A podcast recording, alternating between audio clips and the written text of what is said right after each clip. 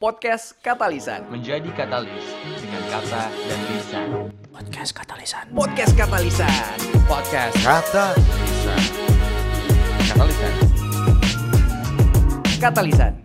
Hai, gue Demas. Akhirnya tiba juga nih giliran gue. Jadi di sesi ini, gue akan sendirian memperkenalkan diri gue sendiri. Yang sebenarnya ini pertanyaan sulit sih buat gue. Karena kalau disuruh perkenalan diri, gue masih bingung buat mendefinisikan diri gue sendiri. Ya, sebenarnya karena gue itu nggak mau terjebak sama definisi yang gue bikin untuk diri gue sendiri gitu kayak Daimas adalah seorang uh, potter yang memang dia bikin keramik gitu dan akhirnya gue terjebak untuk ya Daimas itu adalah seorang pengrajin keramik. Padahal gue mungkin mau ngelakuin hal-hal yang lain di luar ngebikin keramik. Gitu. Terus uh, jadi pertanyaan kalau misalnya siapa sih Demas Aranggara Diandra itu? Jujur gue susah sih buat ngejawab karena uh, ini nih jadi suatu hal yang ya kalau untuk interview kerjaan gue bisa menceritakan gitu siapa Demas Aranggara Diandra sesuai dengan uh, background pendidikan gue. Tapi kalau misalnya di luar pekerjaan, ini yang gue bingung. Kan gara-gara pandemi ini banyak orang-orang yang akhirnya karena diem di rumah aja akhirnya banyak konten-konten digital yang berupa diskusi, ngobrol-ngobrol, nyantumin orang atau oh, mengundang orang gitu. Ketika ada momen gue diundang, kayak diajakin, eh ngobrol-ngobrol yuk. Terus mau ditaruh tuh. Wah jam segini ada pesawat. mau ditaruh nama gue. Eh gue ngenalin lu sebagai apa ya? Nah ini dia. Jadi akhirnya gue balikin lagi. Lu mau ngobrol-ngobrol tentang apa gitu. Kalau misalnya mau tentang keramik ya tulis aja Potter Enthusiast. Atau enggak tentang jalan-jalan tulis aja traveling enthusiast.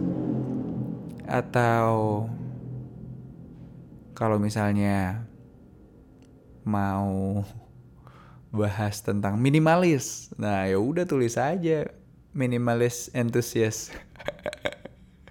Tapi yang jelas uh, siapakah Daimas Aranggara Diandra, gue bisa bilang dengan nyelenehnya gue adalah seorang pencari makna. Karena gue masih nyari gitu, bahkan gue masih dalam proses mengenal diri gue sendiri lebih dalam. Dari 2017 gue resign dari pekerjaan utama gue sampai akhirnya sekarang gue mencoba banyak hal. Ya itu adalah proses gue mengenal diri gue sendiri bukan bukan yang kayak wah gue masih mencari jati diri. Enggak gue udah tahu. Gue udah menemukan kesukaan gue apa dan segala macam tapi ya gue dalam proses untuk mencari makna gitu. Hal ini gue keingetan sama omongan almarhum Dono. Kenapa akhirnya jadi penting? Siapakah lu ya kan dibanding dengan apa yang lo omongin karena dia bilang status sosial tampaknya menjadi penting dalam kehidupan kita. Siapa yang bicara dan bukan apa yang dibicarakan. Masih menjadi gaya hidup yang kita jalanin gitu. Ini gila, relevan banget sih. Itu adalah sebuah bukti kalau ya memang siapa yang bicara gitu. Siapa lu bukan apa yang lo omongin, apa yang lo sampein, apa yang lo punya gitu. Wow. Jadi panjang nih perkenalan. Oke, gue dari Mas Aranggara Diandra. Sekali lagi gue bilangin, um, gue salah satu bagian dari katalisan. Gue hobinya banyak gue hobinya mencari hobi. Terakhir hobi yang secara intens gue lakuin adalah bikin keramik. Gue belajar secara intens 4 bulan. Habis itu nekat bikin pameran sendiri di M Block bulan akhir Februari lalu sebelum pandemi. Kayak alhamdulillah banget bisa kejadian tuh pameran. Kalau enggak sampai sekarang mungkin nggak kejadian. Terus sekarang gue lagi bantuin startup yang bernama Sebumi. Uh, bisa di follow at sebumi.id. Jadi itu merupakan jadi promosi. ya udah cari aja uh, Instagramnya. Terus gue beneran suka uh, jalan ke mana pun nggak perlu yang jauh-jauh sekitar ngobrol sama orang baru ke tempat-tempat yang gue belum pernah yang pernah pun juga nggak apa-apa gitu. Ketika gue temukan menarik gue langsung gue suka explore sendiri. Tapi kalau misalnya gue ketemu satu tempat yang menurut gue asik banget itu gue pasti akan mengajak semua teman-teman gue untuk ayo ayo ayo dan gue rela untuk datang ke tempat itu lagi berkali-kali berulang-ulang. Untuk ya ngebawa teman gue nunjukin bahwa ini ya seru banget tempatnya dan segala macam terus gue juga sekarang lagi belajar hidup minimalis. Uh, gue apa lagi ya? Gue hmm, apa ya sedang menjalani oh sedang mencoba ini juga. Selain minimalis gue juga mencoba gaya hidup yang lebih berkelanjutan. Kayak ya lebih aware aja sama hal-hal yang memang gue lakuin. Tapi ternyata emang gara-gara hidup minimalis gaya hidup minimalis itu akhirnya gue mempertanyakan apa-apa yang gue lakuin dan gue punya gitu. Menarik banget sih. Jadi kayak uh, misalnya di kosan nih apa bener gue butuh kasur? Oh perlu. Ya udah beli kasur. Baju apa perlu gue punya baju yang banyak gitu? Oh ternyata enggak. Gue cuman cukup punya tiga jenis gitu. Baju lengan panjang lengan pendek sama nggak ada lengan. Beneran tapi ini. Um, ya gitu sih perkenalannya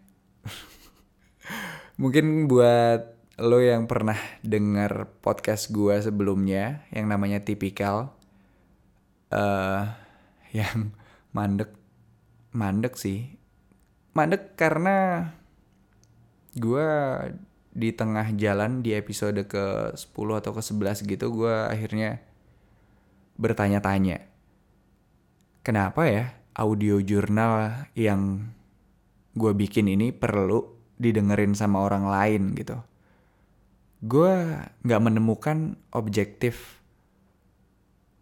untuk ngebagi atau menyebarluaskan uh, apa yang ada di isi kepala gue selain hal-hal yang udah gue bahas waktu itu. Jadi kayak aduh gue bahas apa lagi? dan segala macam yang perlu gue share gitu.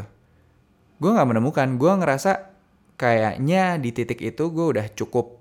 Jadi ya daripada gue mengada-ada konten buat uh, podcast tipikal gue akhirnya ya udah gue stop aja. Dan akhirnya teman-teman gue yang mostly ber berlima eh mostly itu berarti bertiganya anak minyak ya termasuk gue membuat sebuah podcast lagi karena emang ya mungkin mereka dengar gue ada podcast terus gue ada peralatan juga akhirnya ya bikin katalisan. Dan pas di tanggal 26 kemarin 26 Juli itu tepat sebulan katalisan rilis itu kita udah produksi 17 uh, konten 17 episode. Itu kayak waduh gila. Produksinya parah seminggu seminggu itu dua kali untuk take. Dan sehari itu bisa dua jadi seminggu bisa empat episode untuk produksi. Bayangin seminggu 4 berarti kan pas tuh kan 17. Satu bulan ada 17 episode. produktif banget dan gue harap sih uh, bisa lebih konsisten ya dan ya memulai sesuatu itu mudah tapi untuk tetap ngelakuin suatu hal yang udah dimulai itu beda lagi ceritanya uh, dan ini perkenalan satu-satu para katalis, Wih, para katalis itu ceritanya uh, anggota kelima orang di katalisan itu, jadi para katalis. Namanya catchy banget sih, katalisan. Sebenarnya dari katalis, tapi bisa juga jadi kata dan lisan. Katalis itu sebuah zat yang dapat mempercepat suatu reaksi kimia tanpa mengubah si zat yang bereaksi tersebut. Ya, zat utamanya gitu. Jadi gitulah katalisan. Dan ini lagi memperkenalkan satu-satu nih. Sekarang giliran gue nggak tahu ya rilisnya gimana. Mungkin uh, disisip-sisipin atau enggak langsung uh, lima-limanya lihat nanti. Terima kasih banyak buat teman-teman yang udah mau dengerin katalisan. Sebuah pencapaian sih. Maksudnya uh, eh, gue nggak ngitung angkanya berapa. Maksudnya itu signifikan atau enggak yang jelas. Uh, gue merasa uh, terapresiasi banget karena ada yang denger gitu loh. Dari 9 episode yang rilis, udah ada 550 yang dengerin itu wow, dalam waktu sebulan. Ya mungkin angka segitu belum ada apa-apanya ya dibandingkan dengan podcast-podcast yang lain. Tapi tujuan dari katalisan ini sendiri, mungkin Allah pernah bahas. Dia bilang, gue beneran di umur sekarang emang butuh tuh temen ngobrol yang memang secara intens, dalam dan ya ada teman goblok-goblokan yang mau ngedenger gitu. Maksudnya dengan ngobrol gitu kan berarti ada sebuah kegiatan berbicara dan mendengar ya. Jadinya uh, katanya mencegah otaknya tumpul kata Allah. Bener juga sih. Dan awalnya nggak nyangka bisa sampai 17 gitu episode yang terproduksi. Karena semuanya belum ada yang pernah podcast kecuali gue. Dan begitu ngerasain podcast ngobrol-ngobrol, wow, ternyata podcasting itu buat mereka semenyenangkan itu sih.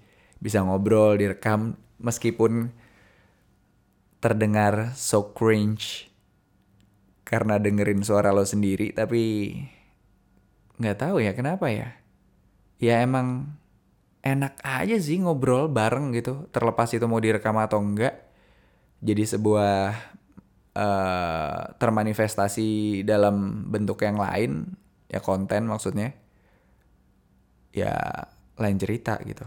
Intinya adalah ngobrol-ngobrolnya. Jadi thank you buat yang udah dengerin. Hmm, dan di sini mungkin di momen gue sendiri di episode tentang Daimas, gue ada beberapa hal sebenarnya yang belum kelar untuk dibahas pas di episode-episode yang memang udah rilis di Katalisan. Ya karena gue ngomongnya berlima, gue juga harus menyesuaikan gitu kan bahasannya apa dan segala macam gue nggak bisa way too pushy about myself dan semua pemikiran-pemikiran gue dan ini adalah saatnya untuk menyalurkan hal tersebut. Makanya seneng banget gue begitu oke okay, sendiri-sendiri. Monolog gitu ya. Um, di episode pertama Katalisan waktu itu yang intro dan LGBT ini ada beberapa hal yang sebenarnya hmm, gua gua rasa masih ada beberapa hal yang perlu gua sampaikan ya. Gua termasuk orang yang meyakini bahwa orientasi seksual itu adalah sebuah preferensi. Itu dengan jelas gue sampaikan di episode yang pertama.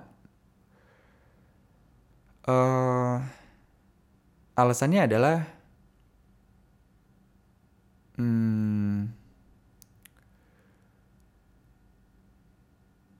gimana ya? Gue meyakini hal tersebut karena hmm, gue yakin setiap orang itu kan dilahirkan dari ayah dan ibu ya. Jadi perasaan itu bertumbuh gitu ya terlepas lu laki-laki atau perempuan, lu pasti bisa suka dua-duanya gitu loh. Makanya gue meyakini bahwa orientasi seksual itu adalah pilihan. Jadi lu bisa memilih untuk suka sama lawan jenis atau sesama jenis. Yang akhirnya ngebedain adalah maksudnya orang bilang, "Wah, ini salah atau tidak normal atau tidak normal dan segala macam ya itu adalah kerangka berpikir yang lu pakai kalau misalnya lu memilih uh, menjadi orang yang beragama terus lo decide untuk menyukai sesama jenis atau enggak lo uh, memutuskan untuk menjadi bisex atau transseksual atau apalah itu banyak banget ya panjangannya LGBTQI dan lain-lain. Ya itu akhirnya nggak benar karena lu punya harusnya punya kerangka berpikir, punya landasan yang yang sesuai dengan agama yang lo yakinin gitu sih. Jadi bukan masalah benar atau salah, tapi ya tergantung dari perspektif mana yang lo pakai. Ketika lo meyakini suatu agama dan lo tidak menjalani apa yang lo yakinin, nah itu kan akhirnya jadi sebuah pertentangan ya. Akhirnya jadi ya salah gitu loh. Tidak benar. Iya gitu sih. Hmm, itu yang mau gue bahas. Terus gue rasa saat ini itu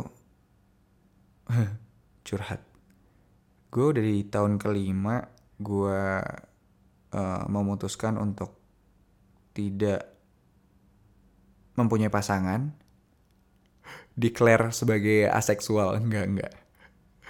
Uh, supaya clear aja gitu sebenarnya ini untuk memuaskan orang-orang. Tapi sebenarnya enggak. Gue memutuskan memang untuk ya gue belum butuh pasangan saat ini. Makanya ya udah gue nggak mempunyai pasangan. Karena gue ada di titik ekstrim bahwa uh, ya lu nggak butuh pacaran gitu loh. Bahwa gue nggak butuh pacaran untuk punya suatu hubungan dengan seseorang. Dan rugi banget kalau lu pacaran gitu loh. Lu temenan aja gitu. Kalau ngerasa cocok, teman udah lama ya udah serius nikahin gitu. Karena gue yakin perasaan itu bertumbuh. Gak bisa tuh lo sekali ketemu, habis itu langsung cinta. Wah, gue suka love at the first sight. No, that's not love. That's a desire, lust, nafsu yang ngasih hasrat. Yang ya ya naluriah otak reptil lo amigdala yang berperan di situ makanya gue meyakini oh ini di episode apa ya episode objektif pacaran ya ini gue sambil nitip-nitip jadi gue menilai sebuah hubungan itu lebih besar dibandingkan hanya sebuah hubungan fisik atau presensi fisik gitu ya.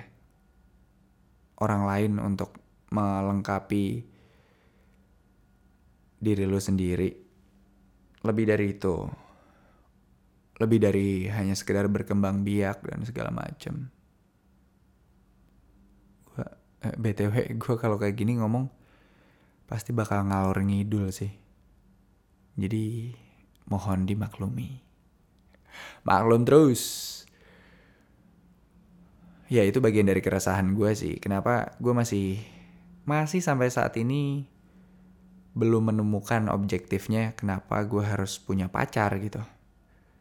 Ya lo mungkin bisa dengerin podcast gue tipikal episode 2 dan katalisan episode ketiga objektif pacaran untuk tahu pandangan gue dan sekarang gue ngobrol ini untuk melengkapi aja. Hmm, itu sih yang gue yakinin. Perasaan bertumbuh dan ketika lo ketemu orang habis itu lo ngerasa ah gue suka segala macam, ya lo berarti physically attracted, ya physically attracted dan kalau physically attracted berarti ya itu masalah hasrat aja, masalah nafsu, desire. Bukan sebuah perasaan yang kayak cinta bertumbuh gitu ya. Jadi ya, ya kecuali objektif lo emang untuk memenuhi kebutuhan-kebutuhan tersebut. Tapi kalau misalnya objektif lo emang bukan itu yang utama, ya ngapain?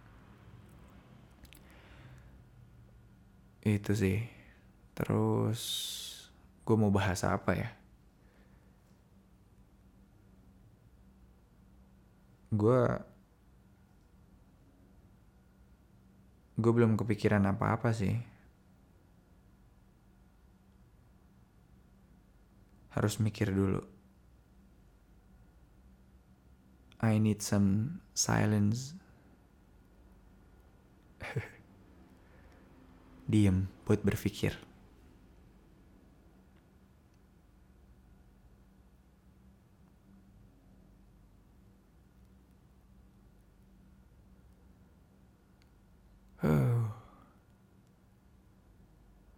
Sebenarnya keresahan gue sama sih kayak keresahan-keresahan yang selalu gue bahas.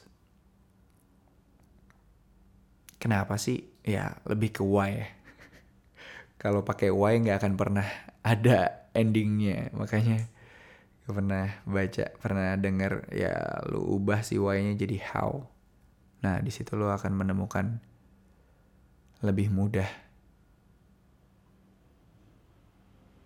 kayak pertanyaan kenapa sih manusia harus bekerja buat dapetin upah kenapa sih manusia harus dapetin upah untuk bertahan hidup untuk mencukupi kebutuhan emang bertahan hidup cuman bisa kalau dapat upah dan harus bekerja. Sebenarnya kan enggak, bisa berburu, bertani, melaut, berkebun. Cukup. Ya enggak? Kebutuhan. Akhirnya kebutuhan siapa? Kebutuhan diri sendiri kayaknya udah terpenuhi. Tapi ya kalau kebutuhan orang lain. Tapi kalau misalnya semua orang punya mindset yang sama, harusnya sih ya cukup semua ya. Ya ini bentuk dari racawan dan keresahan. Gue gak menemukan sebuah sebuah alasan yang pada akhirnya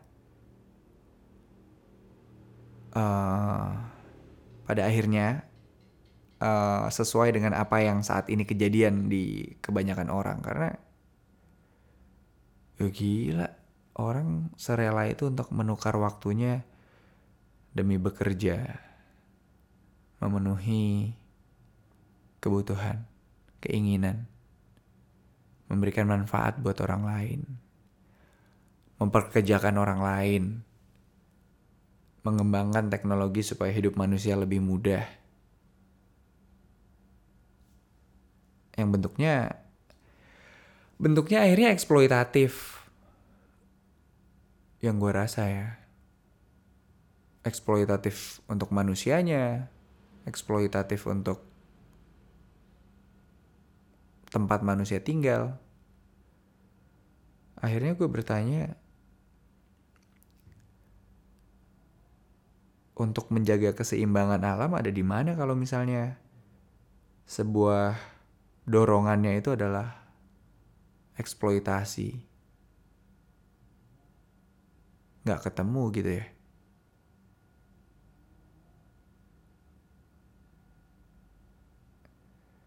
Ya gue sadar followersnya kata Lisan belum begitu banyak. Tapi gue butuh banget sih masukan-masukan atau enggak ya itu tadi bahasan-bahasan gue mungkin bisa di respon lewat Instagram katalisan at katalis.an jadi kita bisa ngobrol. Ya nggak semuanya punya media sosial sih. Cuman bertiga gue Arya Revin sisanya nggak punya. Tahu kenapa? Jawabannya ada di episode keberapa tuh di Katalisan bermedia sosial. Tahu deh kenapa. Itu kerasan gue yang jawabannya sih gue udah ketemu. Pada akhirnya kalau lu cuman untuk mencukupi kebutuhan aja gue nggak menemukan sebuah alasan signifikan kenapa manusia perlu mampir di bumi sih.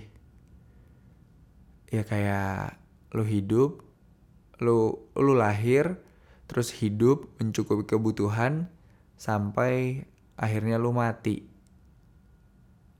dan menghidupi kehidupan orang lain. Jadi pupuk maksudnya. Ternyata alasannya emang satu sih balik. Ternyata ya untuk beribadah sih. Ya gue bukan orang yang religius tapi gue coba untuk meyakini apa yang gue putuskan untuk gue yakini ya karena nggak ada alasan lain. Lu bingung gue bingung sama orang-orang yang memutuskan untuk tidak meyakini uh, keyakinan gitu agama.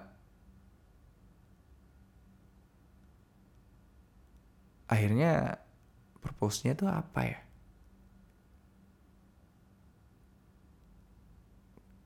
Iya karena udah selesai gitu aja ketika lo mati.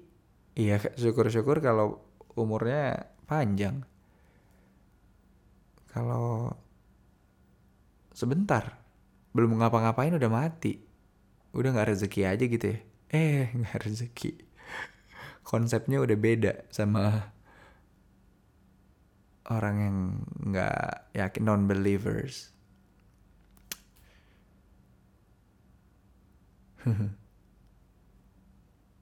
Terus apa lagi ya? Yang menarik. Duh. Yang menarik lo ngobrol langsung aja sama gue deh. Bahas segala macam. Buku, film, tempat jalan, sejarah. Wah, gue lack of knowledge banget tuh tentang world history harus lebih mendalamin itu tuh target gue tuh lebih paham akan sejarah-sejarah dunia yang penting dari zaman Renaissance sampai modern postmodern bentar lagi. Menarik. Hah, gitu aja sih. Gue harap hmm, gue harap lo yang gak dengerin sesi gue, sesi solo ini mau buat jadi teman ngobrol, teman diskusi. Ya enggak? Apa apalagi ya? Udah deh. Oh, ada satu lagi. Eh, alasan gue menjadi minimalis. Ada sebuah istilah kalau money can buy you happiness. Gue akhirnya mencari tahu dan mendalami pernyataan itu sih. Uang bisa memberikan lu kebahagiaan. Tapi ternyata, ya kan, uang tersebut memberikan kebahagiaan ternyata bukan datang dari internal lu gitu loh. Bukan suatu faktor intrinsik yang lu akhirnya dapetin, tapi ekstrinsik lebih ke faktor eksternal. Lo beli barang-barang mahal HP baru gitu. Lo seneng kenapa? Karena diapresiasi orang. Lo beli rumah gede karena wah rumahnya gede karena terapresiasi sama orang. Beli mobil yang super mewah, sport car gitu supercar. Ya karena ingin diapresiasi orang. Kayak wah nggak mungkin kan? Ya mungkin aja sih. Lu beli mobil habis itu ya udah lu hanya sekedar beli. Habis itu mobilnya nggak lu ambil. Ya lu cukup beli aja gitu.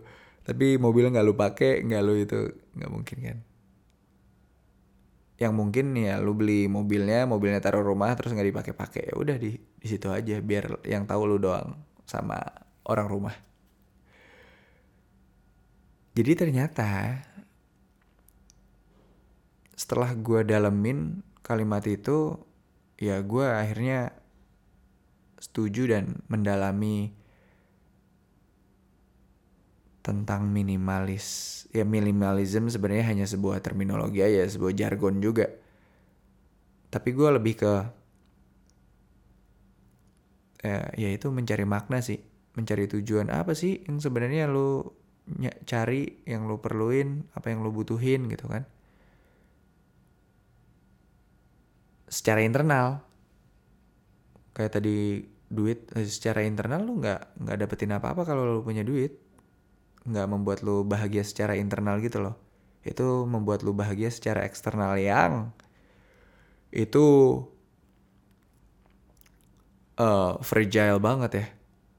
Karena kalau lu dapetin kebahagiaan dari luar itu ibarat harga minyak oh, jadinya volatile ya kalau orang akhirnya nggak mengapresiasi lo, lo akan kehilangan kebahagiaan lo. Padahal ya itu datang dari baiknya adalah datang dari diri lo sendiri.